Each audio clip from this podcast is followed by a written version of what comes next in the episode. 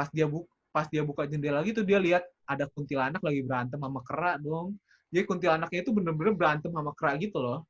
Dan guru spiritualnya itu ceritain ke dia, ya tanah kuburan ini diambil buat manggil makhluk halus yang tinggal di situ.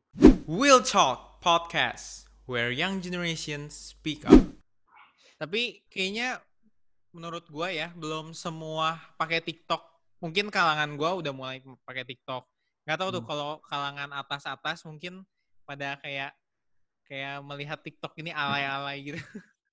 Iya, jadi mungkin ya permasalahan di di Indonesia itu banyak yang mikir TikTok itu joget-joget doang. Karena awalnya gue juga mikir kan TikTok itu joget-joget. Jadi gue nanya temen gue, lu main TikTok gue, ah mau ngapain gitu? Gue bikin konten joget. Terus gue harus sampai jelasin dulu loh, TikTok tuh nggak sekecil pemikiran itu loh. Banyak hal berguna di TikTok. Dan kalau ngomongin tentang perusahaan-perusahaan atau orang-orang di atas gitu, kemarin gue sempat ngobrol sih, gue sempat ngobrol sama perusahaan makanan lah. Perusahaannya ini udah cukup besar, salah satu bumbu makanan di Indonesia dia kerja di situ. Dia ngurusin kayak bagian eh, medianya gitu loh. Dan dia bilang memang semua lagi ngarah ke TikTok sekarang. Mungkin kemarin Hmm. sempat booming ke arah podcast, sekarang ke arah TikTok. Karena peluangnya besar di TikTok. Kan kalau misalnya ngomongin tentang peluang itu kenapa TikTok bisa gede, dia beda sama YouTube. Kalau YouTube itu kan lu buat konten, dia nge-share kepada orang yang nyari konten itu loh. Misalnya lu bisa mukbang gitu, lu cari mukbang, ya keluar yang mukbang mukbang gitu. Tapi kalau misalnya TikTok, TikTok ngebantu lu viral gitu. Ini kayak mesin satu mesin yang viral lah. Kayak lu ngiklan sih sebenarnya kalau mi- misalnya ngiklan di Instagram gitu ya kayak kayak ngiklan, Iya, tapi iya.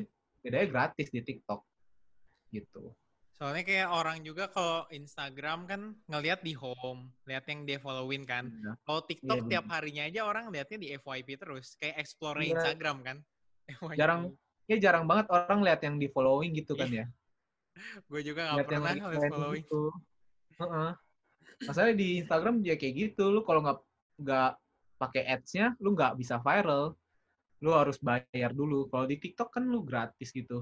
Kalau sepengetahuan gue sih, gue belum coba yang TikTok for business ya, katanya baru muncul sih. Hmm. Katanya, Gua- tapi gue belum coba. Gue baru gue baru convert ke TikTok for business, soalnya kan bisa kasih email gitu kan.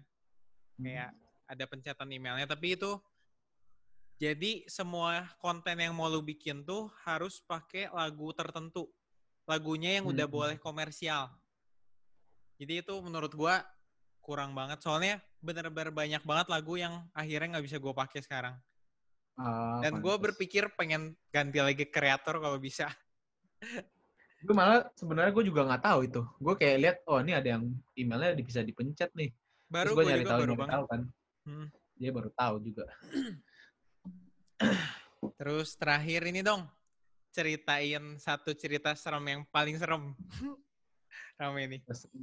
Paling serem cerita serem paling serem kisah nyata apa jangan kisah nyata Kalau kisah kisah lu ada yang serem banget nggak yang digangguin gitu? jujur kalau cerita gue tuh nggak ada sih gue pribadi orangnya bisa merasakan tapi nggak pernah diganggu tapi kalau ngomongin tentang cerita paling serem gue cerita kisah nyata lah ini salah satu cerita yang paling banyak didengar menurut gue ya kisah nyata ya kisah nyata yang paling banyak didengar di YouTube di podcast dan kemarin lumayan juga lah di TikTok gue sempat cerita juga tapi kurang detail nih gue cerita detail ya Nah, gimana nih? Jadi, gimana ini cerita datang dari salah satu pendengar podcast gue. Jadi waktu itu gue sempat minta kalau ada cerita share dong. Terus dia bilang, oh ya udah dia mau share nih. Dia share, eh, dia tinggal di salah satu kota di Indonesia dan kotanya ini menurut gue kalau gue sebut pasti kalian kenal karena ini kota besar bukan kota kecil gitu. Dan pengunjung di kota itu besar. Jadi kota yang sering dikunjungin lah sama pariwisata gitu. Jadi dia bilang dia ini tinggal sama keluarganya, tapi spesifik cerita ini lebih ke arah kakaknya. Dia tinggal bareng kakaknya dan keluarganya juga. Nah di sekitar rumahnya ini ada pabrik, ada pabrik banyak pabrik, sat- tapi itu pemiliknya tuh satu orang doang. Pemiliknya satu orang doang. Eh, awalnya kakaknya ini punya temen yang pemilik pabrik ini, tapi mereka nggak deket. Dia mereka ini sekolah satu sekolah, tapi mereka nggak deket cuma Oh, sama-sama kenal aja. Ini teman asli, orang asli. Iya temen asli. Jadi kakaknya sama sama ininya sama temennya ini cuma kenal di satu kelas gitu loh di sekolah. Nah di saat kebetulan itu juga kakaknya itu lagi tertarik dengan hal-hal spiritual. Jadi dia suka dengan hal-hal gaib gitu loh. Jadi dia dia sampai belajar ke guru spiritualnya gitu. Nah sampai di satu titik tiba-tiba anehnya kakaknya dan temen yang punya anak pabrik ini yang anak si pemilik pabrik ini deket tiba-tiba dan temen dan si pencerita ini juga nggak tahu kenapa hal itu bisa terjadi. Pokoknya mereka jadi deket di sekolah, sering main bareng, terus sering nongkrong bareng di rumah, kadang-kadang di rumah kakaknya, kadang-kadang di rumah si pemilik pabrik ini. Terus kakaknya ini sempat cerita ke adiknya. Dia cerita suatu saat dia datang ke rumah teman temennya ini, tapi temennya tuh nggak ada di rumah. Tapi karena dia udah biasa ke situ, udah sering ke situ, dia masuk aja. Dia masuk, dia lihat ada ruangan aneh nih. Dia, dia buka ruangannya kan. Pas dia buka, dia lihat kayak satu altar gitu loh, altar dan ada patung gitu, patung kerak. Dan sekelilingnya ini satu ruangan ini penuh dengan buah pisang. Tapi dia nggak mengerti hal itu. Tapi pas dia ngeliat hal itu, tiba-tiba kayak pintu depan gitu di dibanting kenceng gitu digeber, bang gitu kan. Nah dia kaget, dia pikir temennya itu pulang. Nah pas dia lihat ke depan, temennya tuh nggak ada. Dan akhirnya kakaknya ini mutusin buat pulang. nah setelah selesai cerita itu, rupanya eh, kakaknya ini diajak sama keluarganya si temennya ini, si pemilik pabrik ini diajak buat ke tempat eh, gimana ya ngomongnya, tempat peman bukan pemandian sih kayak temple gitu loh, kayak satu temple tapi di daerah lain dia diajak sama satu keluarga ini. Karena kan udah deket jadi diajak aja. Dia kakaknya nggak curiga sama sekali dia juga tertarik. Dia tertarik juga dengan hal-hal yang spi- spiritual itu. Dia ikut dan ikut di situ tuh dia lihat candinya ini ada satu ritual candi gitu loh.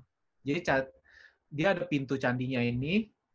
Kok lu harus ngebersihin gagang pintunya gitu ritualnya.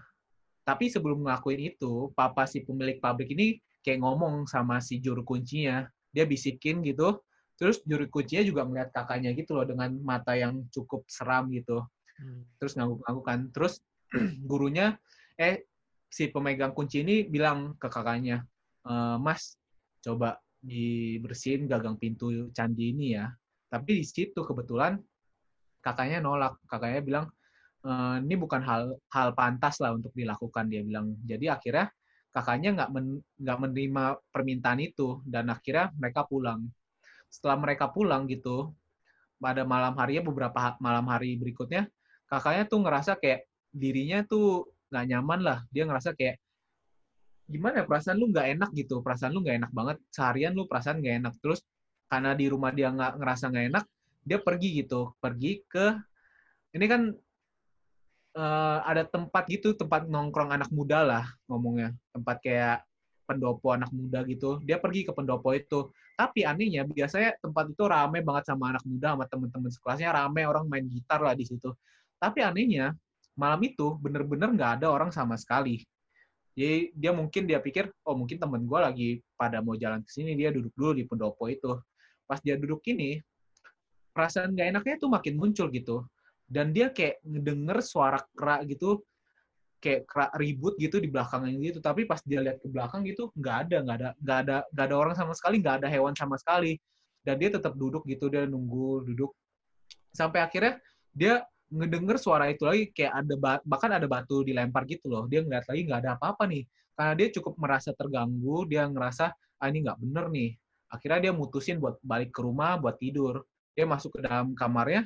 Anehnya pas dia masuk ke dalam kamarnya lagi-lagi dia nger dia ngedenger suara kera itu loh. Suara kera itu tapi pas dia buka mata gitu dia lihat nggak ada apa-apa gitu. Dia dia tidur lagi di dalam pikirannya gitu. Dia denger suara kera itu jelas banget kali jelas banget. Dia yakin ada suara kera dan ada suara orang lemparin batu gitu loh. Dia dia yakin banget. Sampai akhirnya dia mutusin wah ini nggak bener nih dia diganggu sama makhluk halus. Dia mutusin malam itu juga dia mul- dia mutusin buat pergi ke guru spiritualnya. Pas dia pergi ke guru spiritualnya dia kan jalan nih dia jalan dia ngelihat kali ini kan tadi dia nggak bisa ngelihat nih. Kali ini dia ngelihat ada kerak yang lagi ngikutin dia sambil terbang di atas gitu loh. Kayak ngejar dia dia ngeliat ke atas gitu ada kera gitu. Kera yang monster kera ngejar dia. Dia harus sampai lari ke guru spiritualnya.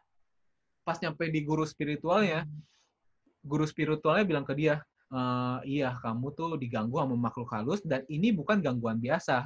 Kamu ditumbalkan.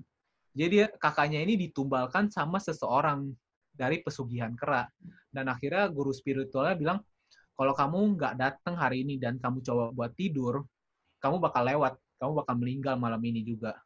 Dan akhirnya guru spiritualnya itu suruh dia betapa malam itu didoain untuk ngilangin kera inilah. Tapi karena ini pesugihan, si kera ini butuh tumbal. Jadi keranya ini nggak mau pergi sama kakaknya ini. Bahkan keranya ini sempat ngomong ke guru spiritualnya, dia bilang, nggak bisa, ini tumbal saya, nyawanya itu udah di tangan si kera itu, dia bilang. Tapi si guru spiritualnya bilang kita harus lawan kera ini nih. Akhirnya dia minta si muridnya ini jangan langsung pulang ke rumah. Dia harus malam ini juga pergi ke tanah kuburan. Nah dia pergi ke tanah kuburan. Ini detailnya si penceritanya nggak cerita harus nyari yang kayak gimana. Intinya adalah dia harus ngambil tanah kuburan dari satu kuburan yang detailnya itu nggak diceritain. Dia nggak mau ceritain detailnya. Pokoknya tanah kuburan dari detail ini harus diambil Habis itu ditebarin di sekeliling rumahnya ini. Dia dilingkarin rumahnya ini pakai tanah kuburan. Nah, setelah itu kakaknya ini masuk ke kamar. Pas dia mau tidur, dia dengar dengar dengar dengan jelas ada suara kerak lagi berantem. Pas dia bu pas dia buka jendela lagi tuh dia lihat ada kuntilanak lagi berantem sama kerak dong. Jadi kuntilanaknya itu bener-bener berantem sama kerak gitu loh. Dan guru spiritualnya itu ceritain ke dia, ya tanah kuburan ini diambil buat manggil makhluk halus yang tinggal di situ. Jadi si kuntilanaknya ini ditarik dari dari kuburan buat ngelindungin dia gitu loh, buat kelilingin dia. Dan akhirnya kakaknya itu bisa tidur, malam itu lewat, dan anehnya beberapa hari kemudian, satu keluarga dari pemilik pabrik yang di rumahnya ini meninggal secara tragis. Terus guru spiritualnya itu bilang, karena pesugihan itu adalah satu hal yang meminta tumbal gitu. Jadi kalau dia nggak dapat tumbal yang itu, harus dapat tumbal yang lain. Dan akhirnya keluarga satu keluarga itu jadi tumbal pesugihan kera itu sendiri. Gitu. Iya ngeri banget. Sumpah sumpah sumpah. Terus kayak berarti kuntilanak ini baik dong? Kuntilanaknya itu nggak bisa dibilang baik. Dia terikat dengan tanahnya itu loh. Jadi dia bukannya mau ngelindungin tapi karena tanahnya itu diambil dia harus di situ kalau lu ngomongin tentang kayak hantu-hantu gitu mereka ada kayak tempat-tempatnya gitu tau. Jadi kayak ini daerah gue nih, lu nggak boleh ngelewatin itu loh. Kalau lu ngelewatin, lu harus lawan gue. Kuntilanak tuh ada kayak, eh bukan kuntilanak, kayak hal-hal gaib itu ada daerahnya masing-masing gitu. Makanya kenapa kalau lu misalnya ada cerita nih di gedung ini ada kuntilanak merah, pasti ketemunya kuntilanak merah itu terus karena itu daerah dia, hmm. gitu loh. Terus ini kan satu keluarga ini ceritanya meninggal kan? Iya. Itu nggak masuk berita atau apa gitu? Ini cerita udah lama, sekitar kata dia sih sekitar tahun 90-an gitu, jadi nggak oh. masuk berita. Dan sebenarnya kalau dilihat kejadian ini kan meninggal, mungkin kalau orang normal gitu mikirnya oh mungkin kecelakaan, mungkin ya gimana gitu kan. Intinya mereka meninggal, tapi orang nggak tahu alasan aslinya tuh karena pesugihan ini gitu loh. Gila, Dan ya. gue juga sampai sekarang teringat-ingat cerita ini terus. Iya. Tapi emang menurut kayaknya makin ke sini makin kayak kurang familiar gak sih tentang kayak gitu? Mungkin dulu lebih lebih kental kali ya. Iya kan dulu kayak, lebih kental. Mungkin anak-anak zaman sekarang kayak pesugihan gitu-gitu kayak kurang kurang apa ya? Kurang iya. percaya kayak ah beneran ada kayak gitu. Soalnya nggak pernah ng ngalamin langsung sih menurut gua. Kalau zaman dulu kan mungkin masih kebanyakan rumahnya banyak pohonnya, terus lebih kental cerita-cerita itu orang lebih percaya. Kalau sekarang banyak kan lebih nggak lebih apa ya? Lebih nggak percaya lah intinya. Tapi kalau emang kayak gitu tuh menurut lu beneran atau enggak kan gue pernah nonton juga ada acara TV yang ini tau gak yang hostnya tuh Roy Kiyoshi. Iya yang ada orang datang pokoknya tentang spiritual lagi spiritual lagi spiritual lagi kan Iya, gue gue juga sempat nonton tuh kayak dia ngaku-ngaku gitu kan hmm. intinya di filmnya itu. kalau menurut gua sih ya yang kayak gitu itu udah 50-50 sih. Mungkin ada yang kisah nyata, maksudnya beneran dia alamin. Ada juga yang harus namanya schedule schedule orang buat TV gitu. Dia harus datengin terus. Ya, Mungkin ya. kadang-kadang ada cerita yang dibuat-buat. Karena kita juga sebagai orang orang yang menonton kali ya, kita juga ngerasa ah kayaknya ini nggak mungkin gitu bisa bener-bener muncul kayak gitu. Kalau menurut gue sih seperti itu. Tapi kalau kita ngalamin sendiri ya pasti kita akan percaya. Tapi pribadi gue nggak pernah ngalamin sih. Untungnya gue nggak pernah sampai gimana lah diganggunya nggak pernah sampai gue harus ngeliat gitu. Asli gue dari gua- tadi selama lu cerita aja gue liatin terus nih. Ini Gordon kan lu ngomong itu gue ngeliatin Gordon, Gordon. parah, parah. Tapi itu tapi ini bakal bakal banyak sih maksudnya bakal menu- bakal mengundang kalau cerita-cerita seperti ini yakinlah karena Ya, ya. pengalaman itu gue rasakan Ya berarti jangan dilanjutin dah, udah takut gua. Tapi banyak juga kan cerita kalau di luar negeri yang kayak Annabelle gitu-gitu kan kayak beken Ya. banget. Hmm. gue gue sebenarnya percaya sih dengan hal-hal yang kayak di luar negeri gitu cuman kalau di Indonesia nggak tahu sih kenapa ya. Gue kayak penik gue penikmat cerita-cerita ini cuma gue sempat mikir kenapa makhluk halus itu balik lagi ke kepercayaan? Jadi kalau kepercayaan luar itu makhluk halusnya bule-bule kenapa hantu itu nggak pernah sama gitu loh? Benar, benar, benar. hantu itu balik lagi ke kepercayaan daerah masing-masing bentuknya. Jadi aneh gitu menurut gue sih. Tapi gue nggak gue bilang gue nggak bilang nggak nggak ada gitu. Mungkin aja mereka bisa menjelma dengan apa yang kita takutin ya. Mungkin gitu Oke deh. Ya udah thank you deh bro, udah datang ke podcast you. gua, udah nyisain waktu buat ngobrol-ngobrol bareng, rame banget ini parah. thank you banget ke William kita Semoga kita pencinta kedua pencinta misteri ini berkumpul ya gitulah jangan sampai yang lain yang ngumpul nih tapi semoga ke depannya kita bisa ngobrol-ngobrol lagi, connect-connect bareng Amin. lagi. Podcast kita sekarang mungkin. Sip deh. ya bener banget semoga sukses terus ya Will Sukses Podcast terus. Will Talk. sukses terus di podcast di TikTok di YouTube pokoknya Mantap sukses terus semuanya. Oke, Thank you amin. bro. Ya, thank you thank you